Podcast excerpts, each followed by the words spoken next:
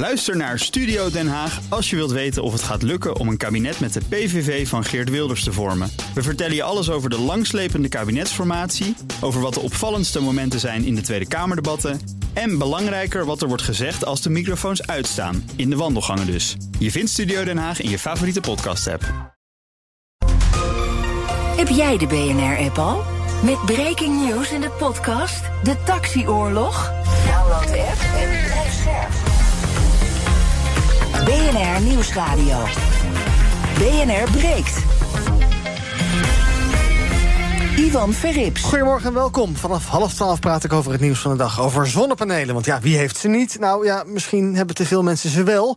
Het uh, laagspanningsnet raakt overvol. En dat wat dat voor gevolgen heeft, gaan we zo meteen bespreken. En er is een nieuwe privacy deal tussen de EU en Amerika. Wat die precies inhoudt en wat wij daarvan gaan merken in Europa. En zijn we daar eigenlijk wel zo blij mee. Allemaal straks vanaf half twaalf met mijn twee panelleden. Vandaag Jiska Post, secretaris van het CDA Duurzaamheidsnetwerk. Goedemorgen. Goedemorgen. Goed dat je er bent. En Pieter Lossi, beleidsadviseur bij de VO-raad. Goedemorgen. Goedemorgen. Goed dat je er bent. We gaan beginnen met. BNR breekt.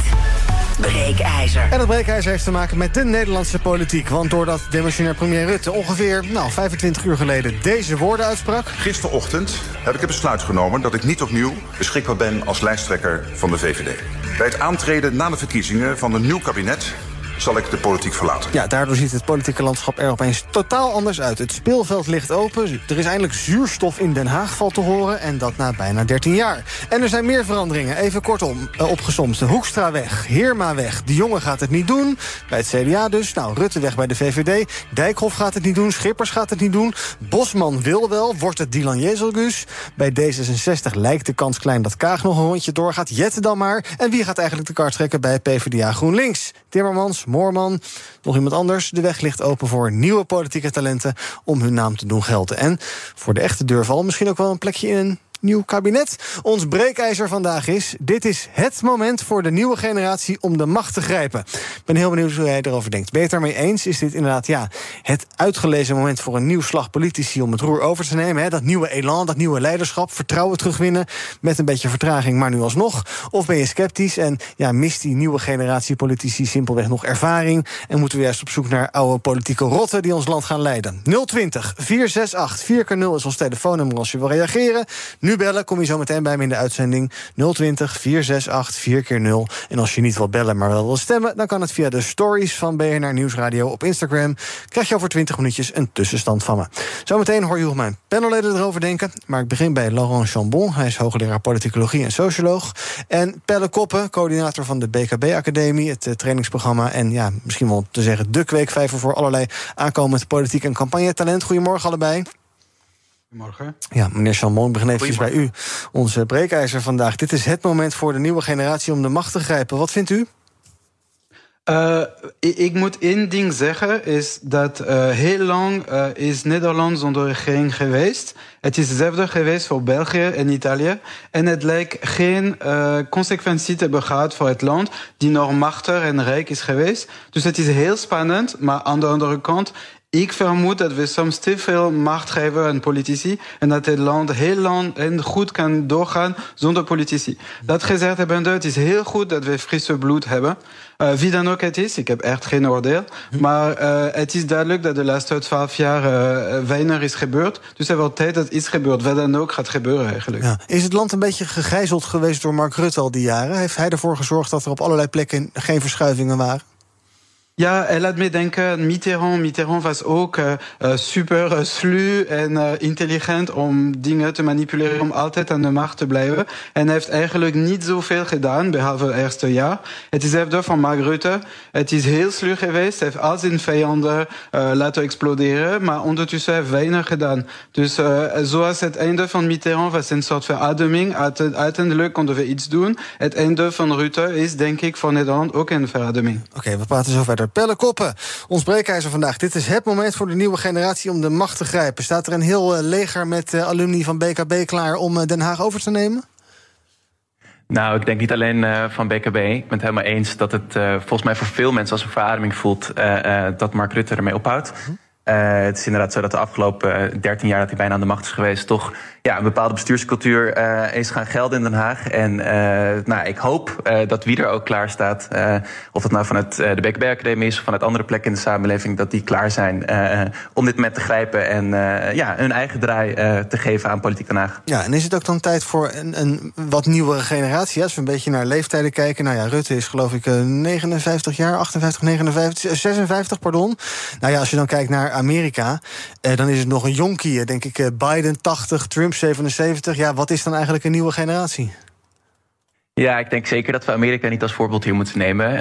Ja, zeker is het tijd voor een nieuwe generatie. Ik denk dat die nieuwe generatie zich ook al laat horen buiten de politiek vooral. Als je kijkt naar het woonprotest van de afgelopen jaren... Extinction Rebellion, die steeds actiever wordt en het van zich laat horen...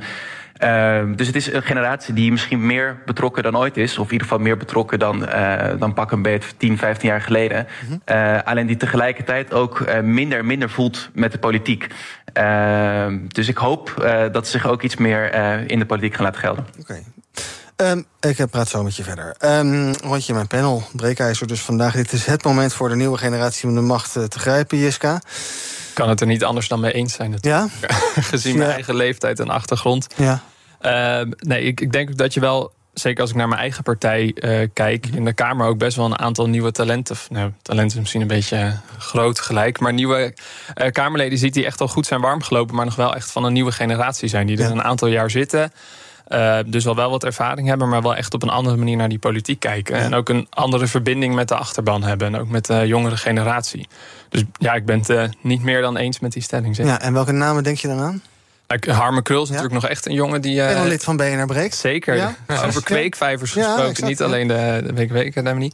uh, nee, Harme Krul natuurlijk. Anne Kuik. Uh, Dirk Boswijk is natuurlijk veel geworden naam. Henry Bontebal. Ik denk dat wij er eigenlijk bij mijn partij, bij het CDA... best wel goed voor staan nu. -huh. Met mensen die al wel iets van ervaring hebben... maar nog wel echt op een nieuwe manier... Daarnaar kijken. Ja, en Pelle net zegt, ik zie veel betrokkenheid... maar eigenlijk vooral buiten de politiek. Dat snap ik eigenlijk ook wel. Den Haag is echt een soort slangenkuil. Daar wil je niet in terechtkomen. Ja, nee, dat klopt. En ik denk, dat vind ik dus wel weer mooi ook aan die, uh, aan die nieuwere politici. Dat die ook echt weer buiten de partijlijnen om uh, het contact zoeken met de samenleving. Dirk Boswijk zeker ook met, heeft natuurlijk het uh, stikstofdossier deels gedaan. Die is ook echt op, zoek, op bezoek gegaan bij allerlei boeren. Of ze nou CDA, BBB, links, rechts, midden, maakt niet uit qua politieke voorkeur waren. Maar echt het gesprek weer aangaan en kijken wat er nou speelt. En op die manier het land door. En ik denk dat dat wel weer uh, ook een nieuwe manier van politiek bedrijven ja, is. Nou, laten we zo meteen nog even verder praten over het CDA. Pieter Lossie, het moment voor de nieuwe generatie om de macht te grijpen. Ja, want de oude Waar generatie... blijven jouw leeftijdsgenoten? Ja, ik weet het. Nou ja, ik, ik ben zelf 21. Dus uh, ja, als je kijkt naar inderdaad uh, mijn uh, leeftijdscategorie... dan is dat misschien nog wel wat jong. Mm -hmm. Uh, neemt niet weg dat wij ook uh, staan te popelen om op allerlei plekken aan de slag te gaan met, met onze ideeën. En juist ook een beetje het, gebrek aan bepaalde ervaring, ook juist een vorm van onbevangenheid en creativiteit uh, meebrengt. Die nodig gaat zijn om uit deze situatie aan polycrisis te komen, waarin eigenlijk alle verschillende crisissen alleen maar elkaar versterken. Wat ik het meest interessant vind, is dat de, de huidige politieke leiders die eigenlijk nu aftreden, zelf ook echt heel erg zinspelen op een nieuwe generatie die dit gaat doen. Dus uit de reconstructie van het AD over uh, Rutte die in de fractiekamer staat en daar zijn aftreden ook bekend maakt. wordt geschreven, Rutte moet even slikken als hij zegt... het is nu aan jullie, de nieuwe generatie. en ook Heerma, ja, partij natuurlijk van CDA... er staat een hele generatie nieuwe christendemocraten klaar... die met ons het verhaal voor heel Nederland aan de slag gaat. Uh, dus dat betekent dat uh, er ook echt een soort ruimte wordt gecreëerd, een vacuüm voor allemaal jonge leiders om daarin uh, te stappen. En dan moet je vooral heel erg hopen dat die jonge leiders het ook echt anders gaan doen en dat die macht wat dat betreft niet corrumpeert. en ik denk een goede toevoeging inderdaad wel is dat zeker in Nederland macht ontzettend verdeeld is in de samenleving. Dus heel goed als we in de politiek een voorbeeld geven van wat verjonging en een nieuwe generatie aan idealen kan, kan meebrengen. -hmm.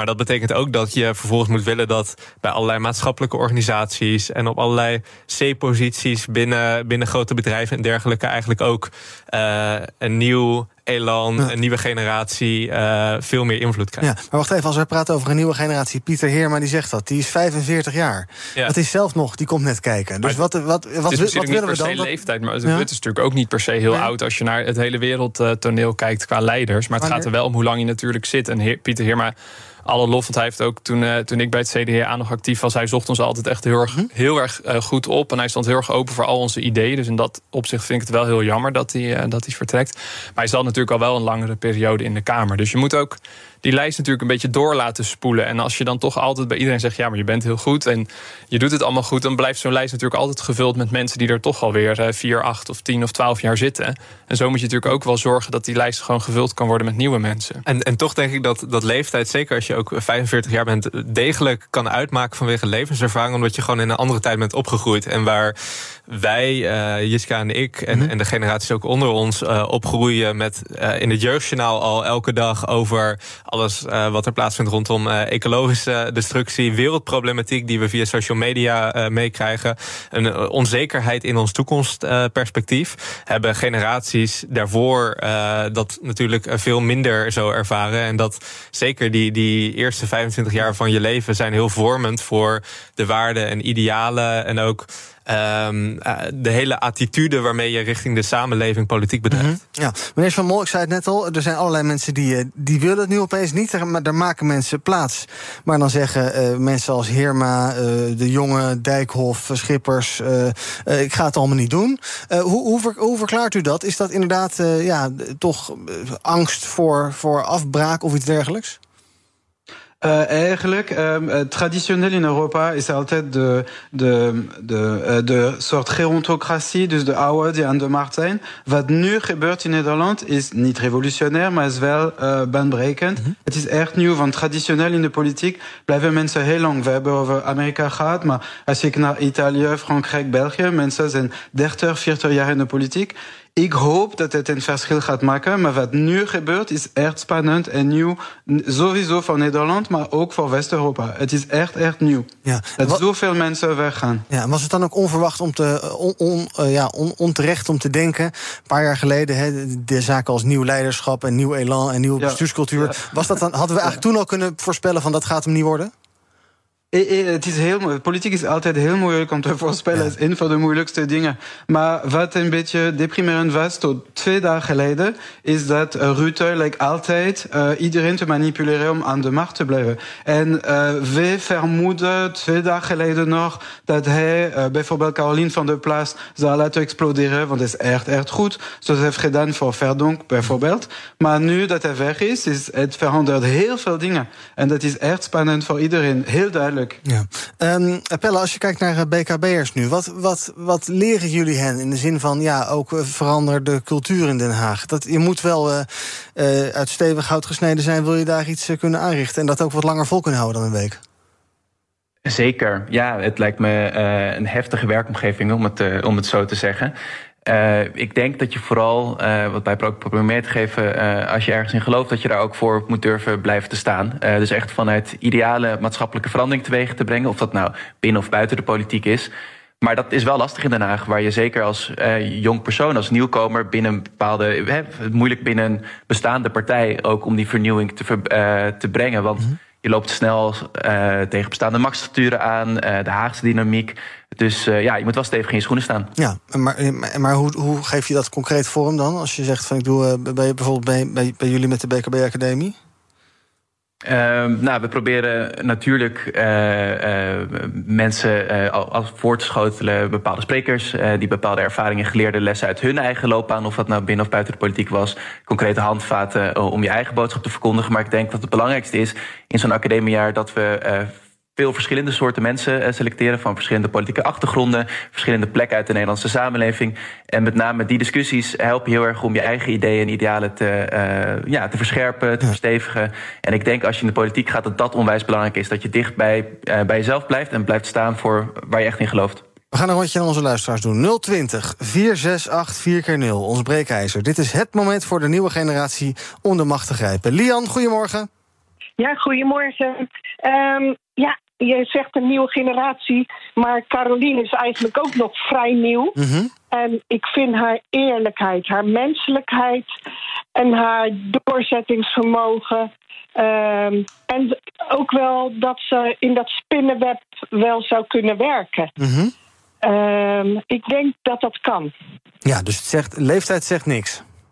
Nou, soms wel, maar. Mm -hmm ook wel niet. Weet je, het gaat er gewoon om dat het. Het is precies wat de Nederlandse bevolking wil, hè? Eh, eerlijkheid en al die andere dingen die er gezegd zijn. En ja, daar draait het toch wel een beetje om. En, en niet die slangenkuilen toestanden. Dat, dat, daar hou ik niet van. Dankjewel, Lian, voor het bellen. John, goedemorgen. Ja, goeiedag. Nou, de vorige spreker heeft mijn, uh, mijn grootste al een beetje voor de voeten weggemaaid. Uh, ik ben inderdaad ook uh, van mening dat de nieuwe partijen daar zeker een kans moeten kunnen maken. En ik zou zeker Caroline en, en ook Pieter Omzicht zou ik aan willen raden om een samenwerking aan te gaan. Mm -hmm. Om gewoon zeg maar de, de eh, eh, de meeste stemmen te halen en de grootste te worden. En of Caroline dan eh, minister-president wordt of Pieter Omzicht, dat is dan aan hun. Maar ik denk wel dat je dan een hele nieuwe visie naar Nederland krijgt. Ook wat mijn vorige spreker zei. De eerlijkheid en het vertrouwen in de politiek kunnen hun terugbrengen. Dankjewel voor het bellen, John van Zanten. BNR breekt. Ivan Verrips. Met vandaag in mijn panel Pieter Lossi, beleidsadviseur bij de VO-raad. Jiska Post, secretaris van het CDA Duurzaamheidsnetwerk. Ook bij me zijn Laurent Chambon, hij is hoogleraar politicologie en socioloog. En Pelle Koppen, coördinator van de BKB-academie. We praten over ons breekijzer. Dit is het moment voor de nieuwe generatie om de macht te grijpen. Als je wil reageren, 020 468 4 keer 0 Maar doe het nu, want dan praat je ergens in de komende vijf minuten nog mee. 020 468 4 keer 0 Even in de studio bespreken. Caroline van der Plas, is dat de nieuwe generatie politici? Nou, in, in die zin wel dat zij natuurlijk ook vanuit uh, haar verleden. Ik, ik volgde haar al uh, op Twitter vrij actief voordat zij überhaupt politiek uh, actief werd. Lientje. Wat dat betreft wel echt een, een soort zwarte zwaan is. iemand die afwijkt van wat de hele politieke morris in Den Haag tot nu toe mm -hmm. altijd is geweest. Ik denk er wordt natuurlijk ook verwezen naar een Pieter Omzicht. Nou, die zit al uh, een goede twintig jaar in de, in de Kamer. Uh, dat neemt niet weg dat, dat ook een Pieter Omzicht met zijn ervaring van grote waarde kan zijn. Ik denk vooral dat de intergenerationele samenwerking, dat dat de way to go is om vanuit uh, multi-perspectieven de complexe problemen op te lossen. En als je kijkt naar heel veel, er is bijvoorbeeld ook heel veel onderzoek gedaan naar leeftijdsdiversiteit in uh, boardrooms -hmm. van grote bedrijven. En daar is eigenlijk constant weer de conclusie: uh, hoe meer spreiding je hebt qua verschillende leeftijden en hoe actiever je inzet op die intergenerationele samenwerking, hoe stabieler je bedrijf ook is, hoe beter voorbereid voor de toekomst, hoe financieel gezonder, et cetera. Dus laten we vooral hopen straks op, op uh, onderhandelaars bij de formatie die echt een hele range aan, aan leeftijden en, en generaties en ideeën ja. bedekken. Nou ja, bij de, bij, de, bij de onderhandelingen, maar ook als je lijsten gaat samenstellen, dus al. Zeker. Want ja. uh, uh, hoe, hoe, belangrijk is diversiteit inderdaad daarin? Je ik kan me voorstellen als je nu een witte man van middelbare leeftijd bent, dat je denkt van nou, ik kan beter inpakken, want ik maak geen kans. Nou, dat, ik zou hem niet zo willen steken. Inderdaad, de, dat je de diversiteit heel breed trekt in een lijst is denk ik heel belangrijk. Dus wat, als ik dan naar het CDA kijk, ik heb net die vier namen van uh, ja. nou, wat jongere, nieuwere Kamerleden genoemd. Maar dat hoeft niet te betekenen dat dan alles en iedereen met ervaring natuurlijk het veld moet ruimen. Want die ervaring heb je ook heel erg nodig. Maar ik denk dat het zeker als je kijkt naar een, een klassiekere machtspartij als, als het CDA, dat het wel goed is om wat jongere mensen aan de kop te zetten. Omdat het dat, dat dan ook echt de mensen zijn met het nieuwe perspectief. En Caroline komt natuurlijk van buiten, dus dan maakt die leeftijd al wat minder uit. Omdat het feit dat ze van buiten komt al zorgt voor heel veel nieuwe ideeën en een nieuw ja. perspectief. Maar als je natuurlijk een, een CDA-lijsttrekker hebt die al 30 jaar binnen de partij meeloopt en nog niet in de Kamer heeft gezeten, is die in de Kamer natuurlijk wel nieuw. Maar hij heeft al wel 30 jaar meegelopen binnen uh, binnen de partij en de club. Dus dan vind ik het, als ik naar mijn partij kijk, interessanter om dan echt nieuwe jonge gezichten uh, in ieder geval aan het roer te zetten.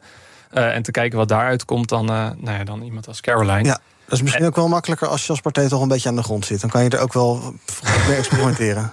nou ja, ik, ja, ja, we zitten, ja, nou ja, ik vind het wel nu een heel een mooi moment ja. om, om daar op die manier naar te kijken. En het wordt heel veel gezegd. Uh, Pieter Heerma heeft het gisteren natuurlijk dus ook daarom in de Kamer gezegd. Van het is echt tijd aan die nieuwe generatie. En ik merk ook uh, binnen de partij, binnen de, nou, de clubs en netwerken waarin ik zit, dat ook wel juist de oude generatie echt zegt van joh, het mooiste zou natuurlijk eigenlijk een experiment zijn waarbij we gewoon nu de hele boel laten vallen en zeggen... nou, CDA, Harme Krul, Anne Kuik, uh, Henry en Dirk... Ja. Succes. Uh, het is nu aan jullie. Ga kijken uh, wat, hoe het lukt en hoe het gaat. Nou lijkt me dat wel heel extreem, omdat je inderdaad ook die ervaring in de Kamer wel wil behouden.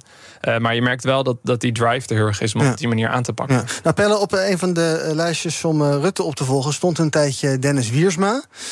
Dat is trouwens geloof ik ook een uh, alumni van de uh, BKB Academie. Maar dat is toch een beetje misgegaan. Die is ja, gesneuveld in de uh, stress die Den Haag heet.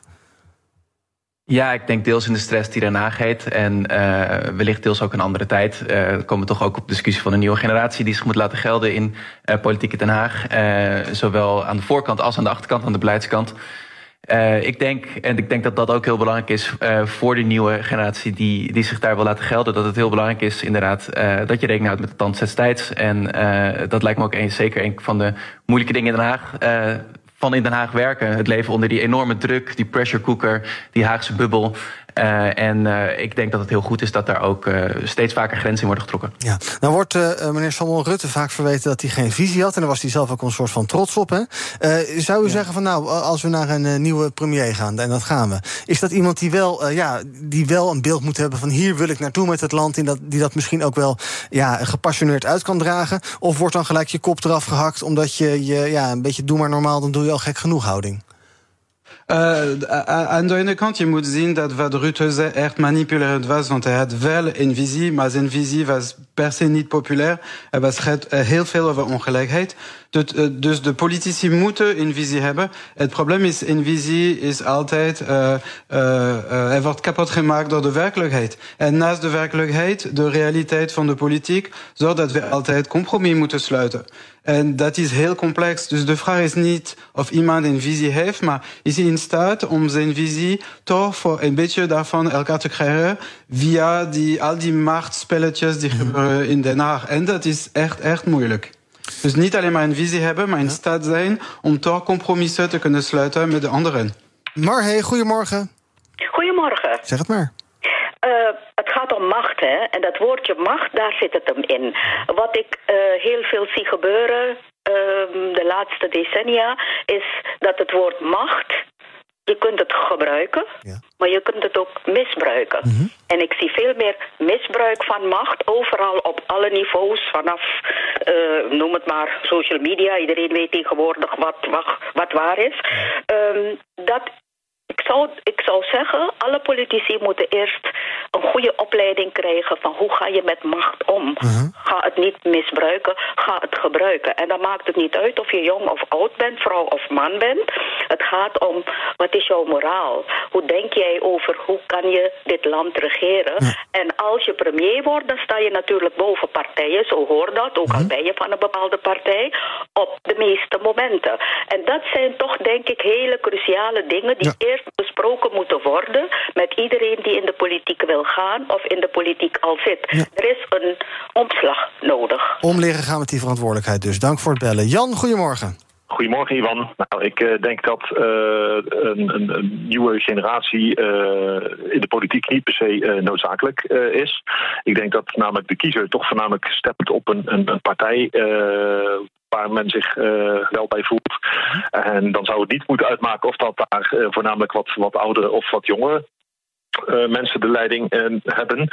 Uh, ik denk zelfs dat veel jongere aankomende politici uh, misschien eigenlijk eerst eens een, een, een, gewoon een stukje leven moeten gaan leiden. Ga eens gewoon een jaar of 10, 15 bij een bedrijf werken. Ja. Koop eens een huisje. Ga eens kindjes uh, krijgen. Ga eens kijken of dat jij kinderopvangtoeslag vol kunt aanvragen. Probeer je huis eens te verduurzamen met een extra lening bovenop ja. je hypotheek. Als je dat soort problemen allemaal uh, kent en ervaren hebt, dan begrijp je veel beter hoe de samenleving in elkaar zit. We hebben vaak hebben het over een kloof tussen de samenleving en de politiek als je dat hebt ervaren en begrijpt, dan kun je volgens mij veel beter leiding gaan geven. Dus laat ze eerst even rijpen, een jaar of 10, 15. Ja, precies. Lekker het leven meemaken, een keer uh, scheiden en dergelijke. En dan pas uh, de Kamer in. Dat is heel verstandig. Pellen tot slot. Um, uh, ja, normaal zouden we zeggen, het zomerreces is nu begonnen. Komkommertijd is begonnen, de luiken kunnen dicht. En we zien dit over een paar maanden wel weer. Dat gaat nu toch heel anders. Als je kijkt naar de campagne voor de komende verkiezingen. Wat hoop jij dan te zien komende maanden? Ja, natuurlijk. Dat wordt hartstikke spannend en interessant om te volgen. Uh, ik ben heel benieuwd allereerst waar, waar de campagne over zal gaan. Ja. Uh, de VVD is natuurlijk gebroken nu op migratie. En hoopt heel erg dat het daarover gaat. Uh, tijdens de Provinciale Staten zagen we dat het heel erg over stikstof ging. ja, ik ben heel benieuwd of als we even terughaken op het onderwerp. Ik denk dat dat ook niet per se de onderwerpen zijn die leefden onder een jongere generatie. Dan zou ik eerder denken aan wonen of klimaat. Dus, dus dat wordt heel interessant om te volgen. Tegelijkertijd is dit een campagne natuurlijk... de afgelopen Tweede Kamerverkiezingen waren echt nog coronaverkiezingen... Uh, die zich veelal in tv-studio's afspeelden. Deze, deze campagne kunnen politieke partijen echt weer de straat op. Uh, dus dat gaat een andere dynamiek geven, andere manieren van campagne voeren. En wie weet dat uh, ook jonge kandidaten daar nieuwe, leuke, innovatieve manieren gaan vinden... om, om hun stem gehoord te laten worden in de aankomende campagne. Nou, vlammen dus de komende tijd. Pelle Koppen, coördinator van de BKB-academie. En ook dank aan Laurent Chambon, hij is hoogleraar politicologie en socioloog. laatste vraag, Jiska, wanneer gaan we de partijloze premier Lossi zien? De partijloze nou, als we het hebben over campagne op inhoud en visie en ideeën... dan denk ik dat we een hele goede kandidaat aan de overkant ik hebben staan. Ik denk dat ik nog wel mee ga maken. Goed, op onze Instagram-pagina is 85% het eens met de stelling. Dit is het moment voor de nieuwe generatie om de macht te grijpen. Bij bellers is het een beetje anders. Maar op Instagram misschien zit er ook al wat jonger publiek. Dat zou ik nog wel eens kunnen. Um, uh, zometeen gaan we verder praten over het nieuws van de dag. Over zonnepanelen in ons land. Zijn we te goed bezig met z'n allen? En over onze privacy, want Europese data kan weer heerlijk veilig naar Amerika vloeien maken mijn panelleden zich daar zorgen om. Zometeen in het tweede deel van BNR Breek. Tot zo.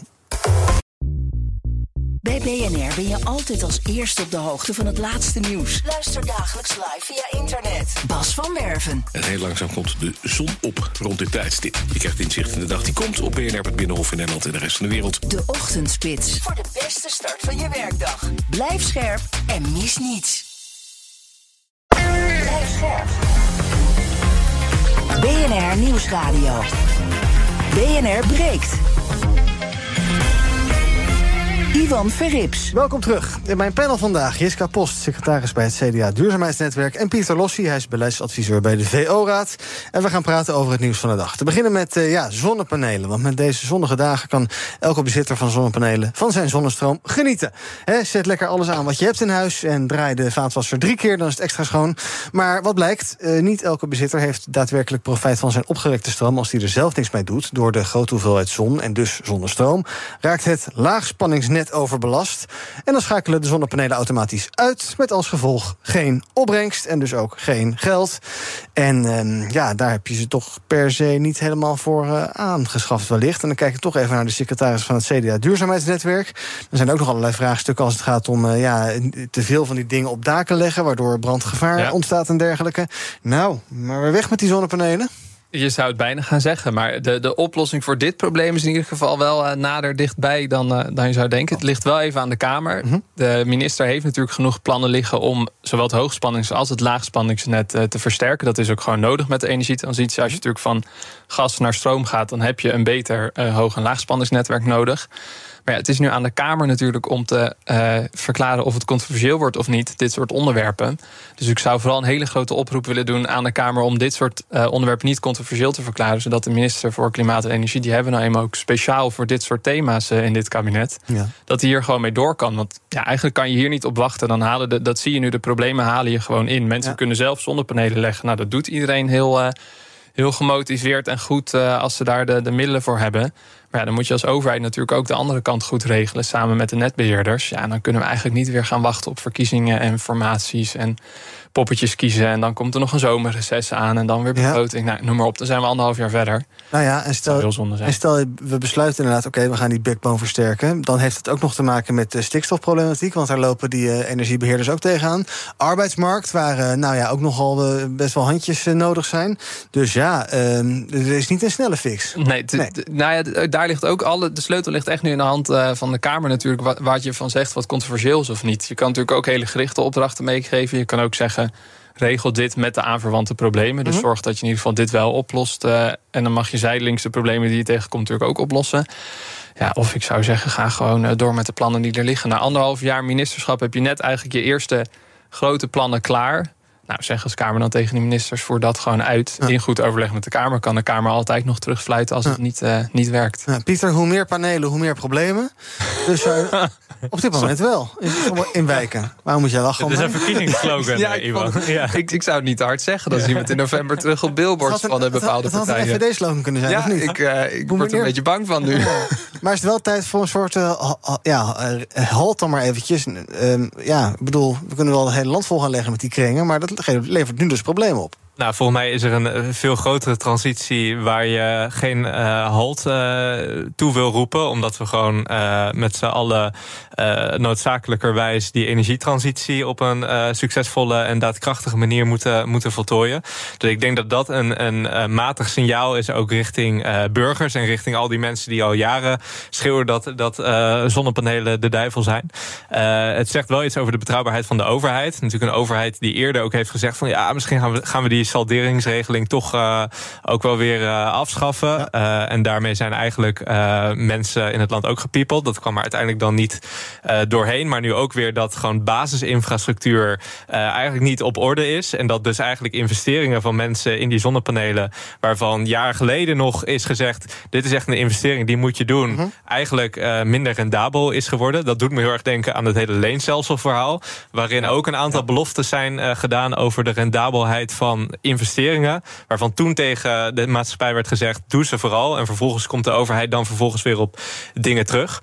Uh, dus ik denk dat de overheid hierin vooral naar zichzelf moet kijken. Uh, grote investeringen mogelijk moet maken. Er zit nog wel wat miljard in uh, het groeifonds, geloof ik. Dus misschien kunnen ze daarover nadenken. En net voor de val van het kabinet het Klimaatfonds natuurlijk ook door de Tweede Kamer Zeker. goedgekeurd. Dus, dus de, er zit geld. Maar één, één kleine disclaimer: uh, de wereld is niet maakbaar. En zeker uh, technologisch uh, gezien niet. en wat politici tot nu toe vaak hebben gedaan, is alleen maar het, het makkelijke verhaal vertellen over. We gaan de aanbodkant verduurzamen en we worden daar allemaal beter van. En dat gaat ook allemaal geld voor ons opleveren. Mm -hmm. Politici zullen ook moeten erkennen dat er grenzen aan de groei zitten. Het kabinet heeft al aangegeven: in 2025 is eigenlijk dat hele laagspanningsnet wordt overspannen. Dan hebben we de grens bereikt. Ja. En dus ook een, een verhaal vertellen Um, maatregelen nemen, investeringen doen. die iets doen met het gedrag van mensen aan de vraagkant. Ja, ik zet het artikel van de Volkskrant er even over te lezen. Ik moet een beetje lachen. Er staat dus bij. Uh, nou, netbeheerders worden er blij van als jij als consument je zonnepanelen even uitzet als het net onder druk staat.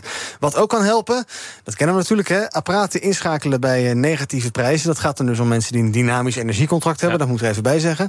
dat kan dus soms helpen om het spanning van het net te halen. Maar dan moet je niet overdrijven, zegt Liander. want sommige mensen die zetten dus bij negatieve prijzen alles in huis aan. Zelfs een elektrische kachel. Ook al is het nu 26 graden. Die denken, hé, hey, daar gaan we eens even lekker, lekker opstoken. Vliegt, uh, wat was het, de hoofdaansluiting of zo? Ja. De transformator eruit. Ja, Het is wel, er gebeuren wel rare dingen op dat stroomnet. Hè? En intussen hebben andere mensen nog s'nachts een daltarief. Terwijl het eigenlijk helemaal niet handig is nu. Het, ja, dan, ja. Ja, het overdag wassen en je vaat was er aan en de wasmachine aan. Dat scheelt natuurlijk ook wel. Dus volgens mij ook een landelijke campagne, die had ik al uh, op tv voorbij zien komen. Van als de zon schijnt, zet dan je was aan. Nou, volgens mij heeft elke machine tegenwoordig een, uh, een timer dat je hem kan uitstellen. Mm -hmm. Dus als je hem s'avonds vol hebt, kan je hem natuurlijk of gelijk aanzetten. Of je klikt hem even een paar keer door. Dat hij de volgende ochtend, als de zon eenmaal uh, doorbreekt, dat hij dan aangaat. En dan kunnen we aan de vraagkant inderdaad ook met z'n allen al, al wat doen. Hm. Maar nu zonnepanelen, stel je kijkt even om je heen in de wijk. Je stapt vanavond uh, je auto naar huis. Dan sta je, sta je in je wijk oh, overal zonnepanelen. Even wachten dan maar nog, een jaartje.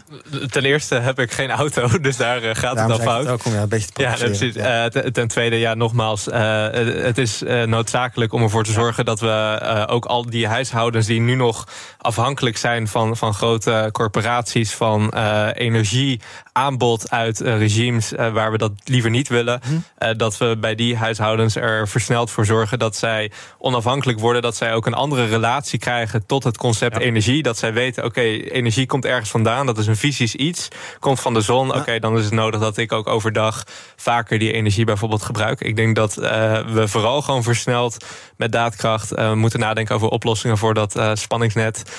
En dus snel campagnes moeten voeren en aan gedragsverandering moeten doen ten aanzien van energieverbruik. Het is ook geen blijvend probleem natuurlijk. Als je zegt nu geen zonnepanelen, doe je alsof dit altijd zo blijft bestaan. Ja. Maar dat is natuurlijk niet zo. Okay. Ander nieuws van vandaag. Na een lange discussie mogen voor het eerst sinds tijden weer uh, ja, persoonsdata vrij worden overgedragen tussen de EU en Amerika. Er is een afspraak gemaakt tussen de Europese Commissie en de Amerikaanse overheid over het opslaan van data van EU-burgers in Amerika dus. Uh, luister even mee naar Menno Wij, die is privacy-jurist bij de BDO Legal. En die vertelt ja, wat deze nieuwe regel nou inhoudt. Het is een uh, afspraak tussen zeg maar even Europa en Amerika om te bewerkstelligen dat gegevens naar specifiek Amerika mogen. De AVG, de privacywet, die stelt eisen aan internationale doorgifte. En dat lag gevoelig in verband met eerdere afspraken die waren afgeschoten door de hoogste Europese rechter. Dus dit is poging 3, de Saga continues. Ja. er waren voorheen al afspraken die heten, dan hadden we wel luidende namen als Safe Harbor en Privacy Shield. En nu is er een uh, nieuwe afspraak. Uh, maken jullie nog zorgen om ja, jouw data in Amerika? Ik kan me voorstellen, we gebruiken allemaal apps en smartphones en dergelijke.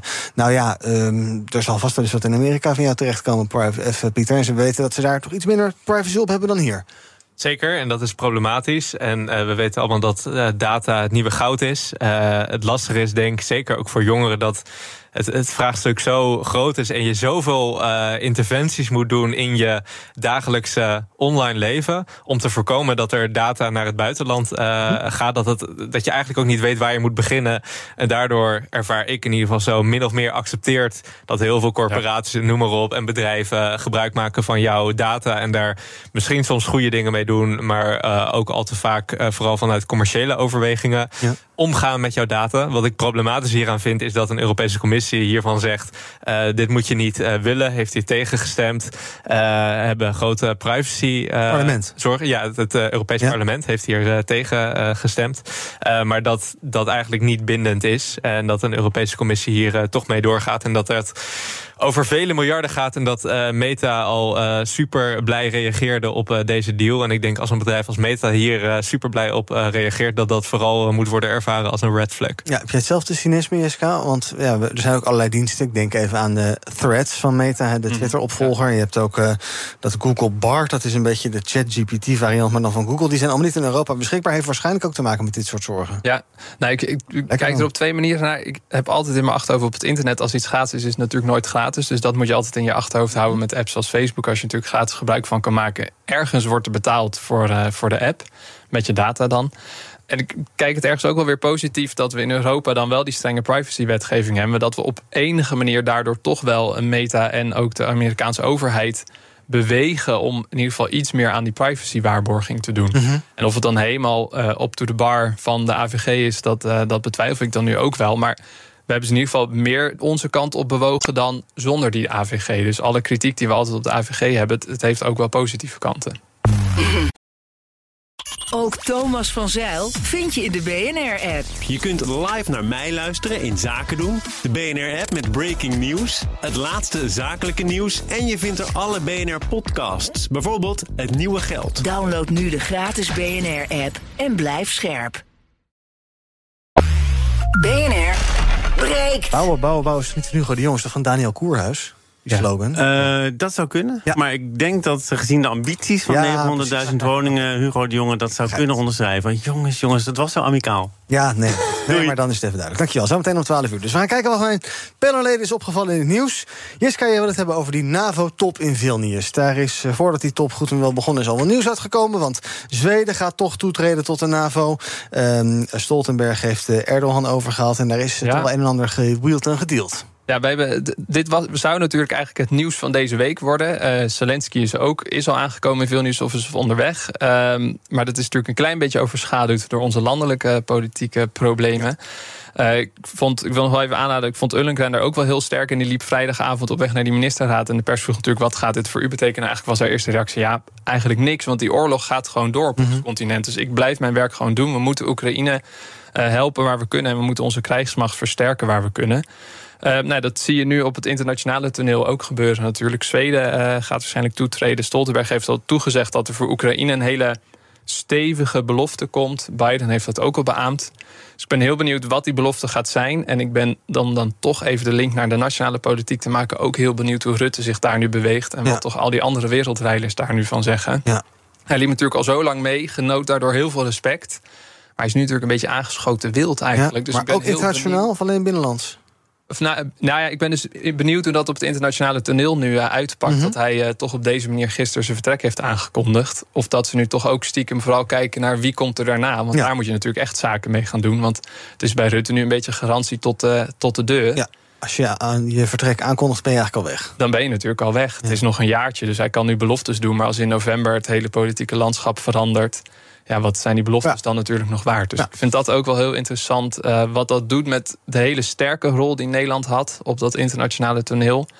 En of dat nu zwakker wordt, of dat het nog even zo blijft... of dat iedereen toch maar wacht op die verkiezing. Ja, onze Europa-verslaggever Geert-Jan Haan die is in Vilnius... dus die hoor je ook later vandaag in de Daily Move zeker terug... vanaf die NAVO-top. Nog eventjes, uh, Zelensky komt dus ook. Hè. Dat was tot nu toe een beetje onduidelijk... maar vannacht meldde CNN dat uh, Biden en Zelensky daar een bijeenkomst gaan hebben. Uh, wat zegt dat jou? Blijkbaar dat daar inderdaad toch iets, ook voor hem... iets wezenlijks aangekondigd zal worden. Want hij heeft eerder gezegd... ik ga niet voor Jan Lul daarheen als ik er niks krijg. Nee, ze hebben in, in Boekarest, dat was 2008 natuurlijk ooit de belofte gehad... ooit toe te treden, met geen deadline, geen concrete toezegging. En hij heeft eigenlijk daar heel erg naar verwezen deze week. Als ik weer die belofte krijg, ja, die staat al, dan ga ik niet, uh, niet naar Vilnius toe. Nee. Nou, Biden heeft gebeld, er is gesproken en hij is toch, uh, toch op weg nu. Dus daarom ben ik heel benieuwd wat die concrete belofte gaat zijn. Er is nog niet heel weinig over bekend, anders dan nou ja, heel veel rumoer en, uh, en tromgeroffel dat het een, eh, een grote belofte gaat zijn. Ja. Dus we gaan het zien. Nou, het Witte Huis zou gemeld hebben dat er een eh, routekaart voor lidmaatschap komt. Dus er zit dan geen tijdlijn in, geen tijdschema, maar wel een routekaart met stappen en dergelijke die blijkbaar genomen zijn. En waarschijnlijk zal Duitsland ook aankondigen dat ze zo'n 700 miljoen aan wapensteun aan Oekraïne gaan leveren. Dus dat is een beetje het laatste nieuws wat is. En jij gaat het volgen. En ik blijf dan volgen. Dus ook. Pieter, jij wil het hebben over het uh, mooie weer van deze zomer. En dan zijn mensen denken, heerlijk zomer. Het is nu weer weer opeens 26 eh, graden. Um, maar jij maakt je daar weer zorgen over. Oh, je moet het feestje weer verpesten. nou, kom maar. Sorry, het, het spijt me. Ik ben inderdaad een beetje de pretbederver hier. Uh, het is zo dat uh, de Telegraaf vanochtend kopt... dat er in Italië verwacht wordt dat het 49 graden maar liefst gaat worden komende tijd. goede disclaimer om dan gelijk te geven... is dat ik heel goed het verschil begrijp tussen weer en klimaat... en mhm. dat hier natuurlijk ook een El Niño-situatie bij hoort. Maar gewoon als je kijkt naar de trends van de afgelopen 30 jaar, dan uh, nou, zit hier wel een correlatie uh, in. En dan is ook de verwachting dat uh, dergelijke temperaturen in Europa uh, langzaam het nieuwe normaal gaan worden. En nou, weten wij met z'n allen bij iedere zomer dat het heel warm is. niet of dit een warme zomer was, of misschien wel de koudste zomer die we vanaf dan toe verder in ons leven nog zouden gaan meemaken. Mm Ehm, we hebben het natuurlijk nu, en, en deels ook terecht door. En ik snap dat uh, heel erg weer over wat er in uh, politiek Den Haag gebeurt. En, en de poppetjes en dergelijke. Uh, maar uiteindelijk is wat politiek gebeurt een middel om bepaalde doelen te bereiken. En, en die doelen, dat zijn de extreme uh, grote vraagstukken waar we nationaal, maar ook wereldwijd uh, voor staan. Uh, wat opvallend is, is dat het IPCC al heeft gerapporteerd dat in een scenario waarin je boven de 2 graden gaat, er wordt verwacht dat in 2050 je honderden miljoenen extra vluchtelingen gaat krijgen, klimaatvluchtelingen. Lijkt me op zich een, een relevant iets om ook mee te nemen in de hele migratiediscussie waar we het nu over hebben.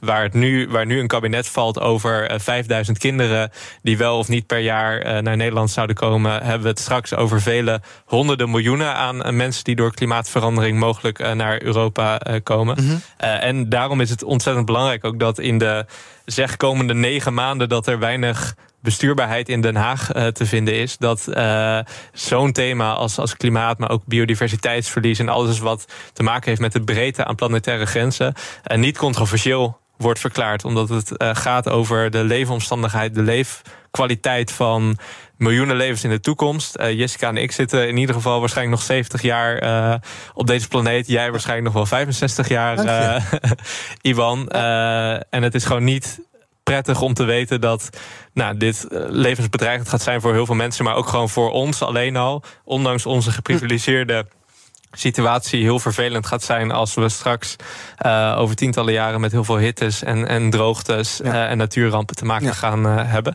Dus extra actie en focus op de bal. Ja, leuk al het gebabbel over de poppetjes, maar kijken wat echt belangrijk is. Exact. Gaan we kijken wat er trending is op de socials. Ja, veel te doen over festivals. Want als je er eh, net als ik, maar bij mij succesvol alles aan doet... om heel snel dat uh, zomerlichaam te krijgen... dan uh, kan het zomaar zijn dat je bij je afslankpillen harddrugs hebt ingenomen. Bij in beslagname zijn er 8000 pillen gevonden... waar onder andere amfetamine in is verwerkt. Hoofdbestanddeel van speed dus. Tamelijk ongezond uh, voor je uh, lichaam dus. Verder trending Amazon Prime. Het is namelijk weer Amazon Prime Day. Dat duurt namelijk overigens twee dagen. Geen idee waarom het dan Amazon Prime Day heet.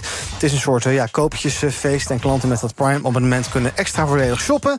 Voor koopjezagers uit het VK wordt het misschien niet zo'n feest. Daar gaat het Amazon-personeel namelijk staken tijdens deze uitverkoop. Dat is iets wat ze al jaren doen.